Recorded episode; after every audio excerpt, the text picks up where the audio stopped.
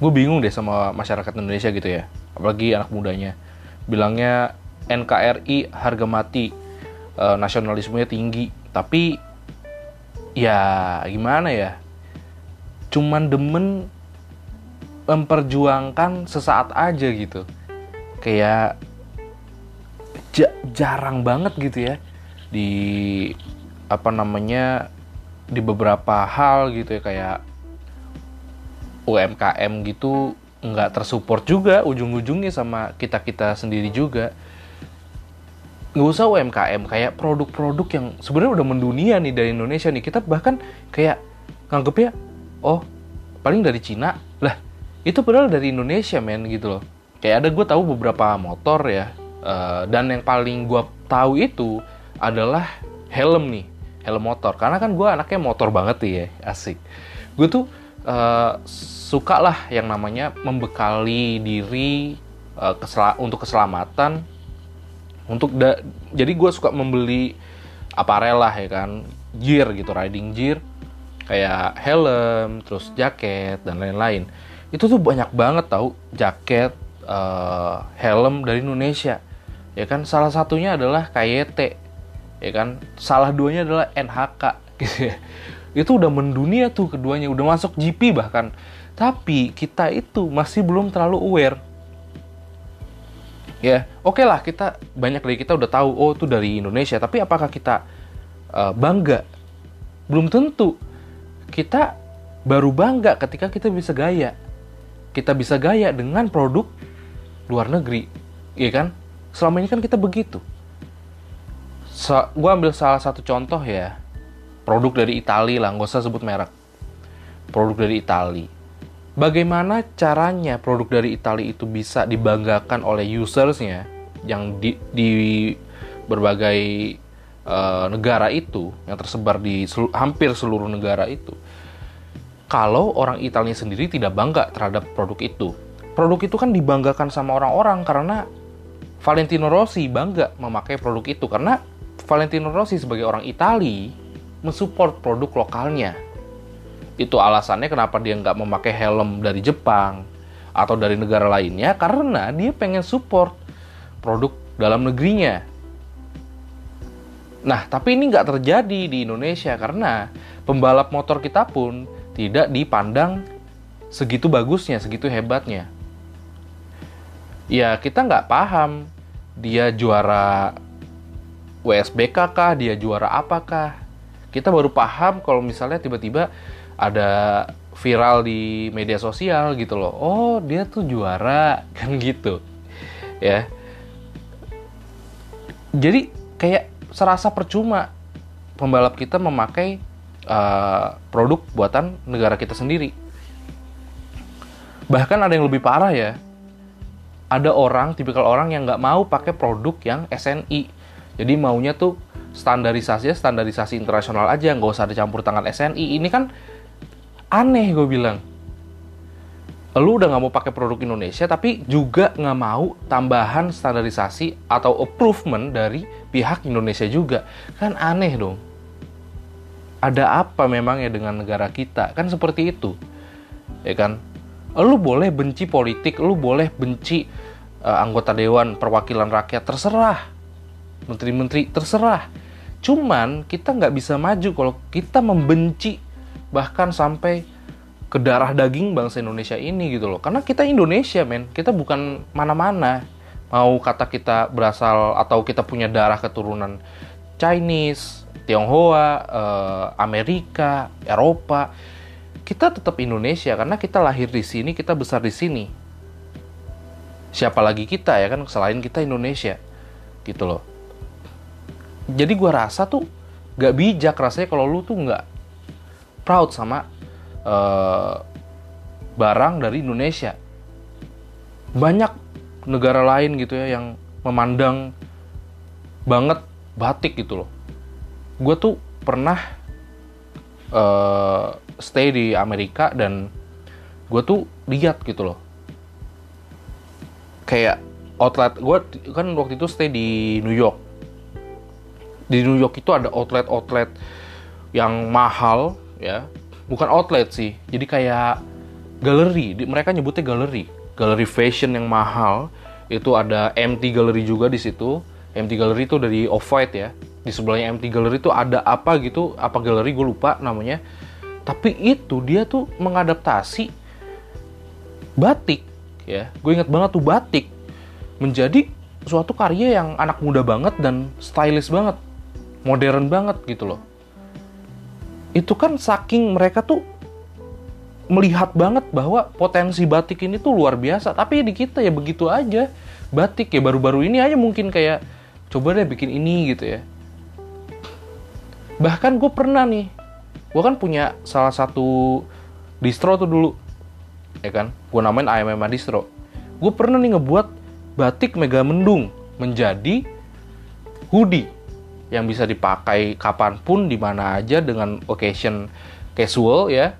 Uh, karena berbentuk hoodie simple minimalis. Jadi enak simple but smart gitu. Gue di desain desain baju gue tuh ataupun jaket gue itu selalu mengedepankan simple but smart. Itu nggak banyak yang bisa terima. Mereka bilang inilah mereka bilang itulah. Kayak ah, jadi kalian gimana maunya gitu loh. Ya ka kalian tetap bangga kalau udah ada logo merah bertulisan S itulah gitu ya. Dibandingkan ada motif batik di jaket di hoodie di sweatshirt kalian gitu loh. Itu kan miris ya kan? Miris banget. Bukan gue pe gue pengen produk gue tuh dibeli. Bukan ada lah pasti pengen karena kita dagang juga ya. Cuman nggak ke situ doang. Tapi itu kan menandakan bahwa kita tuh memang udah over apa ya sama produk-produk luar negeri tuh. Kita mengeluhkan banyaknya impor ya kan? Di negara kita kita salahin presiden kita. Impor mulu impor mulu ini impor itu impor. Kita sendiri adalah pelaku impor nomor satu di negara kita sendiri sebenarnya Berasa nggak coba? Kita beli sepatu, sepatu made in mana?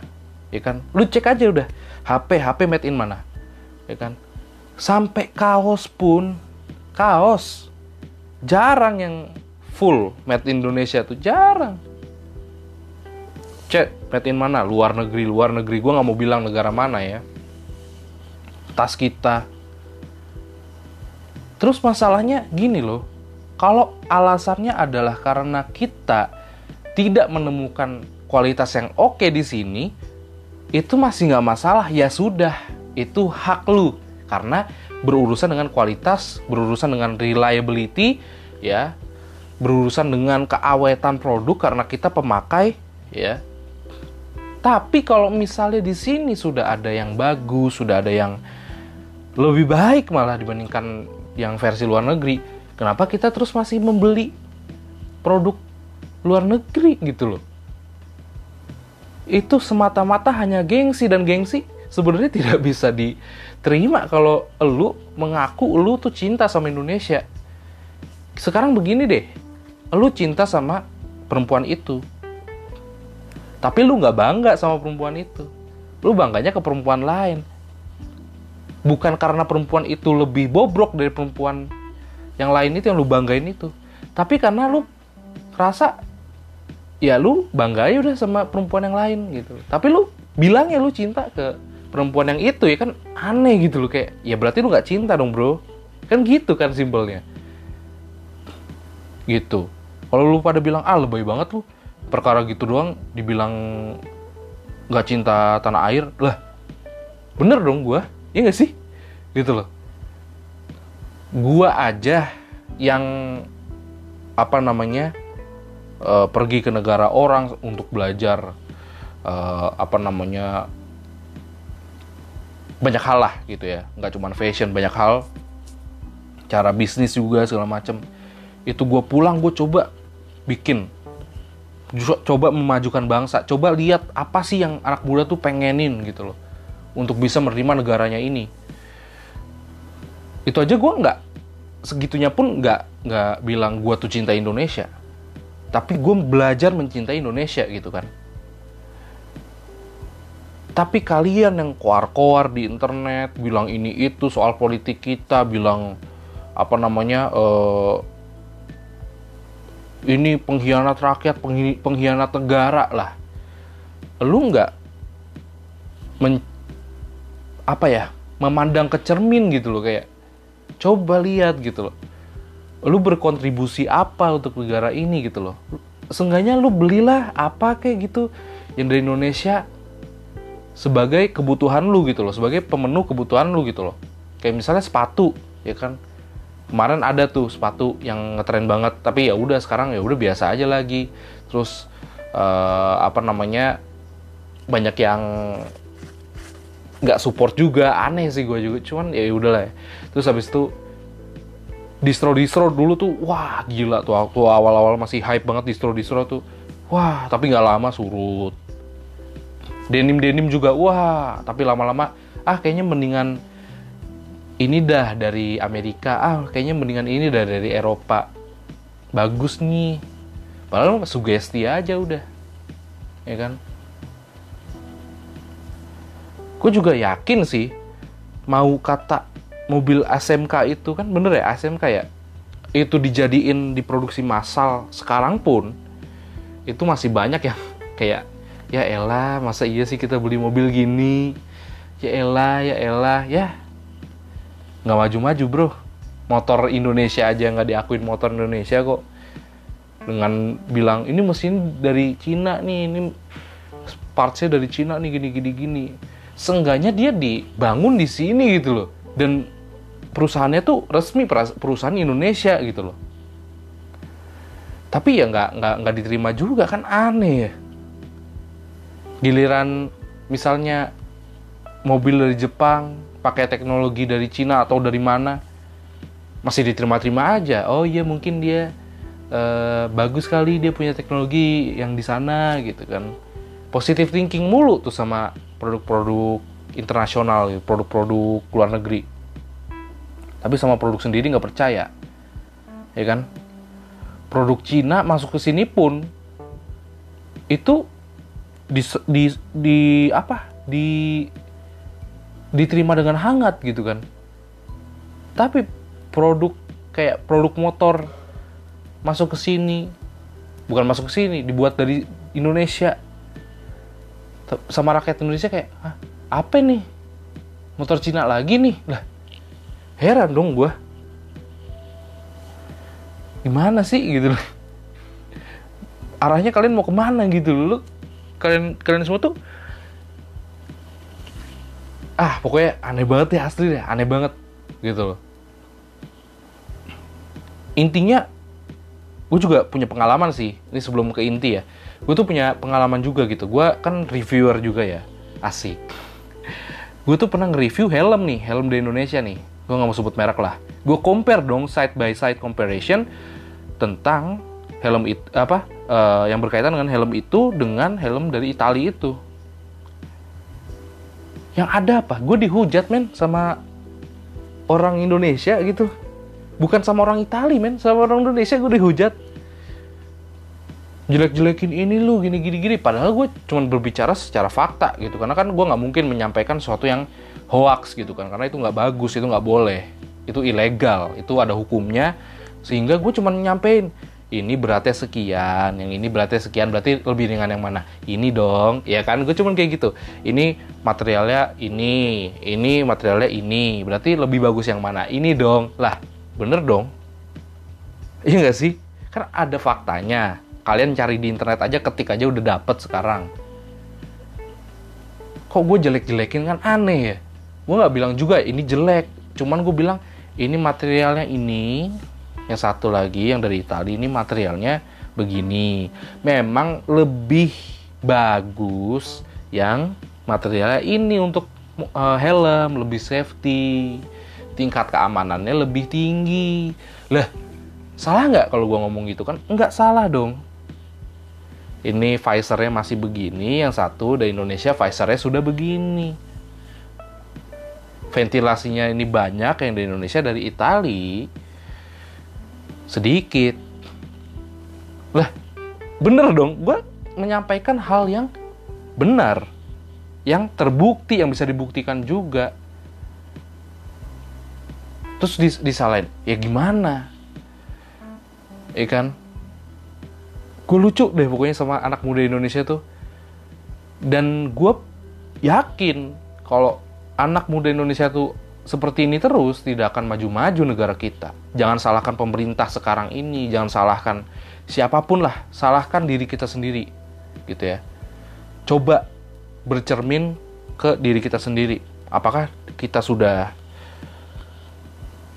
mencintai Indonesia atau belum? Oke? Sekarang kita introspeksi diri masing-masing. Dan sekian untuk podcast lo gue. Podcast dari gue Arvin Santoso untuk kalian semua. Dan sampai jumpa di podcast lo gue berikutnya.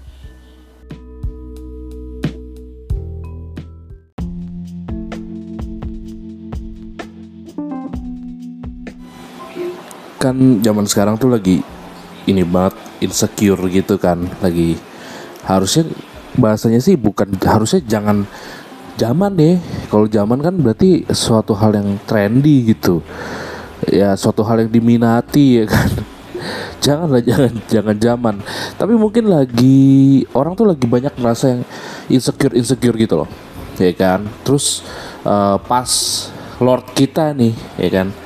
Lord Dustin Tiffany yo Lord Dustin ini dapat cewek terus banyak yang uh, apa namanya uh, bikin quotes gitu kan kayak ini ini uh, dari perspektif cowok ya guys ya. Karena kan gue cowok ya karena kalau gue ngomong dari perspektif cewek kan nggak mungkin karena gue bukan cewek gitu ya. Jadi banyak cowok-cowok tuh yang bikin statement uh, apa namanya tenang kawan uh, si cantik bukan milik si tampan tapi milik si pemberani. Ya tapi kemarin-kemarin lu deketin cewek maju mundur maju mundur ya kan Nah, gue mau sharing dikit ya kan, mau sharing dikit ke kalian. Uh, gue tuh dulu jauh sebelum hari ini, gue tuh udah merasa insecure karena uh, gampang ya, uh, gampang untuk gue insecure. Uh, yaitu penyebabnya adalah karena gue itu memiliki kondisi fisik yang jauh berbeda dibandingkan dengan kembaran gue. Ya seperti kalian tahu, gue punya kembaran nih namanya Arvan dulu waktu kita masih SMP itu tuh kembaran gue itu tuh dia punya postur badan bagus dia apa namanya punya wajah yang lebih tampan dari gue setidaknya itu yang dinilai orang dan akhirnya ya dengan begitu kan gue otomatis sering merasa insecure karena ya yang gue insecurein ya saudara kembar gue sendiri maksudnya yang bikin gue insecure ya uh, so saudara kembar gue sendiri kan. Jadi ya itu setiap hari gue merasa insecure bahkan gue sampai berdoa. Dan ini sih sebenarnya boleh dicontoh ya. Maksudnya tapi kan jadinya ada ya. Maksud gue gini nanti gue jelasin. Gue gue cerita dulu ya. Gue pernah berdoa ya setiap gue sholat gue berdoa ya Allah uh, buatlah aku menjadi uh, apa namanya orang yang setampan Arfan kalau bisa lebih gitu. Gue doa sampai seperti itu. Buatlah aku menjadi orang yang kurus gitu loh gue tuh doa seperti itu. Lantas apakah karena gue doa seperti itu berubah? Ya jelas enggak Karena pasti gini loh ya sekarang gini. Gue yakin ya Dan semua orang yang beragama Islam yakin Allah itu sudah mencipta, menciptakan makhluknya dengan keunikan Kebaikan Ketampanan mungkin Kecantikan Masing-masing gitu loh. Jadi masing-masing tuh ada Unsur-unsurnya sendiri gitu loh. Jadi kayak ya memang lu tuh walaupun lu kembar lu tuh berbeda gitu. Mau kata apa namanya lu itu identik kembarnya lu tetap ada bedanya gitu. Dan Allah sengaja bikin perbedaan itu karena lu itu one of a kind gitu loh. Nah jadi uh, tapi kan waktu itu gue belum belum sadar ya gue bisa ya cuman insecure terus gue berdoa begitu. Waktu gue sholat tuh terus gue sampai sholat tahajud khusus buat buat itu akhirnya ya uh, Allah tetap menjawab doa gue tapi dengan jawaban uh, lain gitu loh. Bukan gue dibikin kurus gue bukan gue dibikin ganteng tapi Allah tuh menyadarkan gue membuka mata gue bahwa gue itu tuh gak boleh insecure. Nah dengan apa? Jadi gini gue itu tuh uh, yang pertama yang pertama banget yang gua sadarin gua tuh nggak boleh insecure. Kenapa? Karena jadi ini kocak ya. Jadi Arfan tuh dulu punya pacar waktu SMP nah setelah Arfan pacaran sama dia gantian gue macarin dia. Gue tembak dia. Sebenarnya ini ya namanya SMP ya. Guys ya jangan diambil hati ya gitu. Sebenarnya gue cuma mau ngetes apakah cewek yang lumayan cantik ini yang pernah dipacarin Arfan mau sama gue yang notabene Uh, memang gue uh, kembaran ya tapi gue kan berbeda dengan Arfan. Gue tidak setampan Arfan saat itu. Gue nggak se uh, apa maskulin Arfan. Gue tidak se apa namanya proporsional Arfan bodinya gitu ya. Ternyata dia mau. Dia mau dan gue kaget. Hah? Mau? Iya mau kata dia gitu. Terus jadi kita jadian nih. Iya jadian. Dia dengan bingung begitu kan. Oh, ngeliat gue gitu. Oke ya udah gitu kan. Jadian nih sama cewek terus gue pernah ya kan ada satu orang adik kelas itu waktu ini masih SMP juga ya yang direbutin sama dua cowok ganteng di angkatan gue ya jadi dulu nih dua dua cowok nih nggak mungkin lah dia ditolak cewek. Ya tapi itu ditolak dua-duanya guys. Ya entah karena mungkin terlihat childish apa gimana dengan memperebutkan dia sampai membuat taruhan dengan apa namanya dia gitu. Maksudnya uh, mereka berdua tuh kayak apa ya kayak main syuting syutingan bola gitu. Tar yang menang itu boleh deketin dia gitu. Yang kalah nggak boleh deketin dia sampai kayak gitu. Mungkin dianya juga merasa gimana gitu ya. Itu ditolak dua-duanya. Cowok itu dulu bahasa bahasa kita cogan ya cogan. Anak eksis anak gaul. Gue little linoan gue tembak dia gue tembak dia ya lewat BBM dulu zamannya BBM Diterima gak? Diterima, bos. Diterima. Ya Allah. Diterima. Gue diterima gitu. Ini prima dona nih di sekolah prima dona. Gue nembak dia, gue diterima gitu. Walaupun gak berlangsung lama karena gue gak suka gak, bisa ngajak dia jalan gitu-gitu. Dulu tuh gue masih ya ya karena gue sebenarnya tuh cuman buat nyoba gitu. Itu itu gak boleh contoh ya guys. Cuman ya namanya dulu uh, eh, gue tuh mencoba keberuntungan aja gitu loh. Jadi terima dan wow. Gokil ya. Gokil ya. udah. Nah banyak lah terus habis itu banyak. Ada beberapa lagi. Ya bahkan sampai akhirnya itu yang paling jelas ketara tuh gue jadi ada suka sama satu cewek ini satu angkatan gue. Uh, apa namanya gue sedikit malu kalau ceritain karena uh, ada kemungkinan ini orang denger podcast ini ya. Tapi yang jelas sekarang sudah udah nggak ini ya udah nggak nggak ada feeling sama sekali. Ini ini cuma masa masa muda masa kecil gitu masa remaja lah gitu. Masa-masa itu uh, itu gue suka sama satu cewek ini. Terus uh, cewek ini tuh gue nembak dengan tidak pedenya itu gue nembak. Terus gue ditolak gitu kan. Ini juga yang membuat gue insecure juga sih. Karena ditolak di cewek gitu kan. Gue rasa gue kurangnya gimana gini gini gini. Gue merasa insecure gue melihat Arfan kembaran gue lebih baik lebih bagus uh, dari segi fisik ya terus akhirnya setelah gue udah punya cewek udah punya apa namanya beberapa mantan gitu ya. Gue akhirnya kayak dideketin sama dia gitu. Walaupun saat dia deketin ya gue nggak nggak udah nggak ada feeling gitu loh. Jadi ya udah ya udah udah udah kayak ya udah gitu loh. Udah agak gubris lagi gitu loh. Tapi gue sadar nih ini cewek deketin gue gue sadar. Karena dia apa namanya uh, ya mulai dari merhatiin gaya rambut gue. Dulu kan waktu zaman SMP kita ekspor ya guys ya. Kayak gaya rambut gitu gitu kan. Terus mulai kayak suka deket-deket gue ya lu tau lah ya hal-hal itulah gitu. Tapi gak gue gubris ya udah. Ya lu dulu udah nolak gue ya gue udah hilang rasa lah sama lu gitu. Jadi ya udah gitu. Itu jawaban dari Allah guys. Jawaban dari Allah gitu Allah jadi uh, apa namanya gue tersadar gitu. Gue nggak boleh insecure. Dan gue harus menyadarkan kepada kalian bahwa kalian juga nggak boleh insecure guys ya. Karena kita ini tuh one of a kind ya. Kita ini boleh gendut boleh ini gue gue gue tuh orangnya gendut.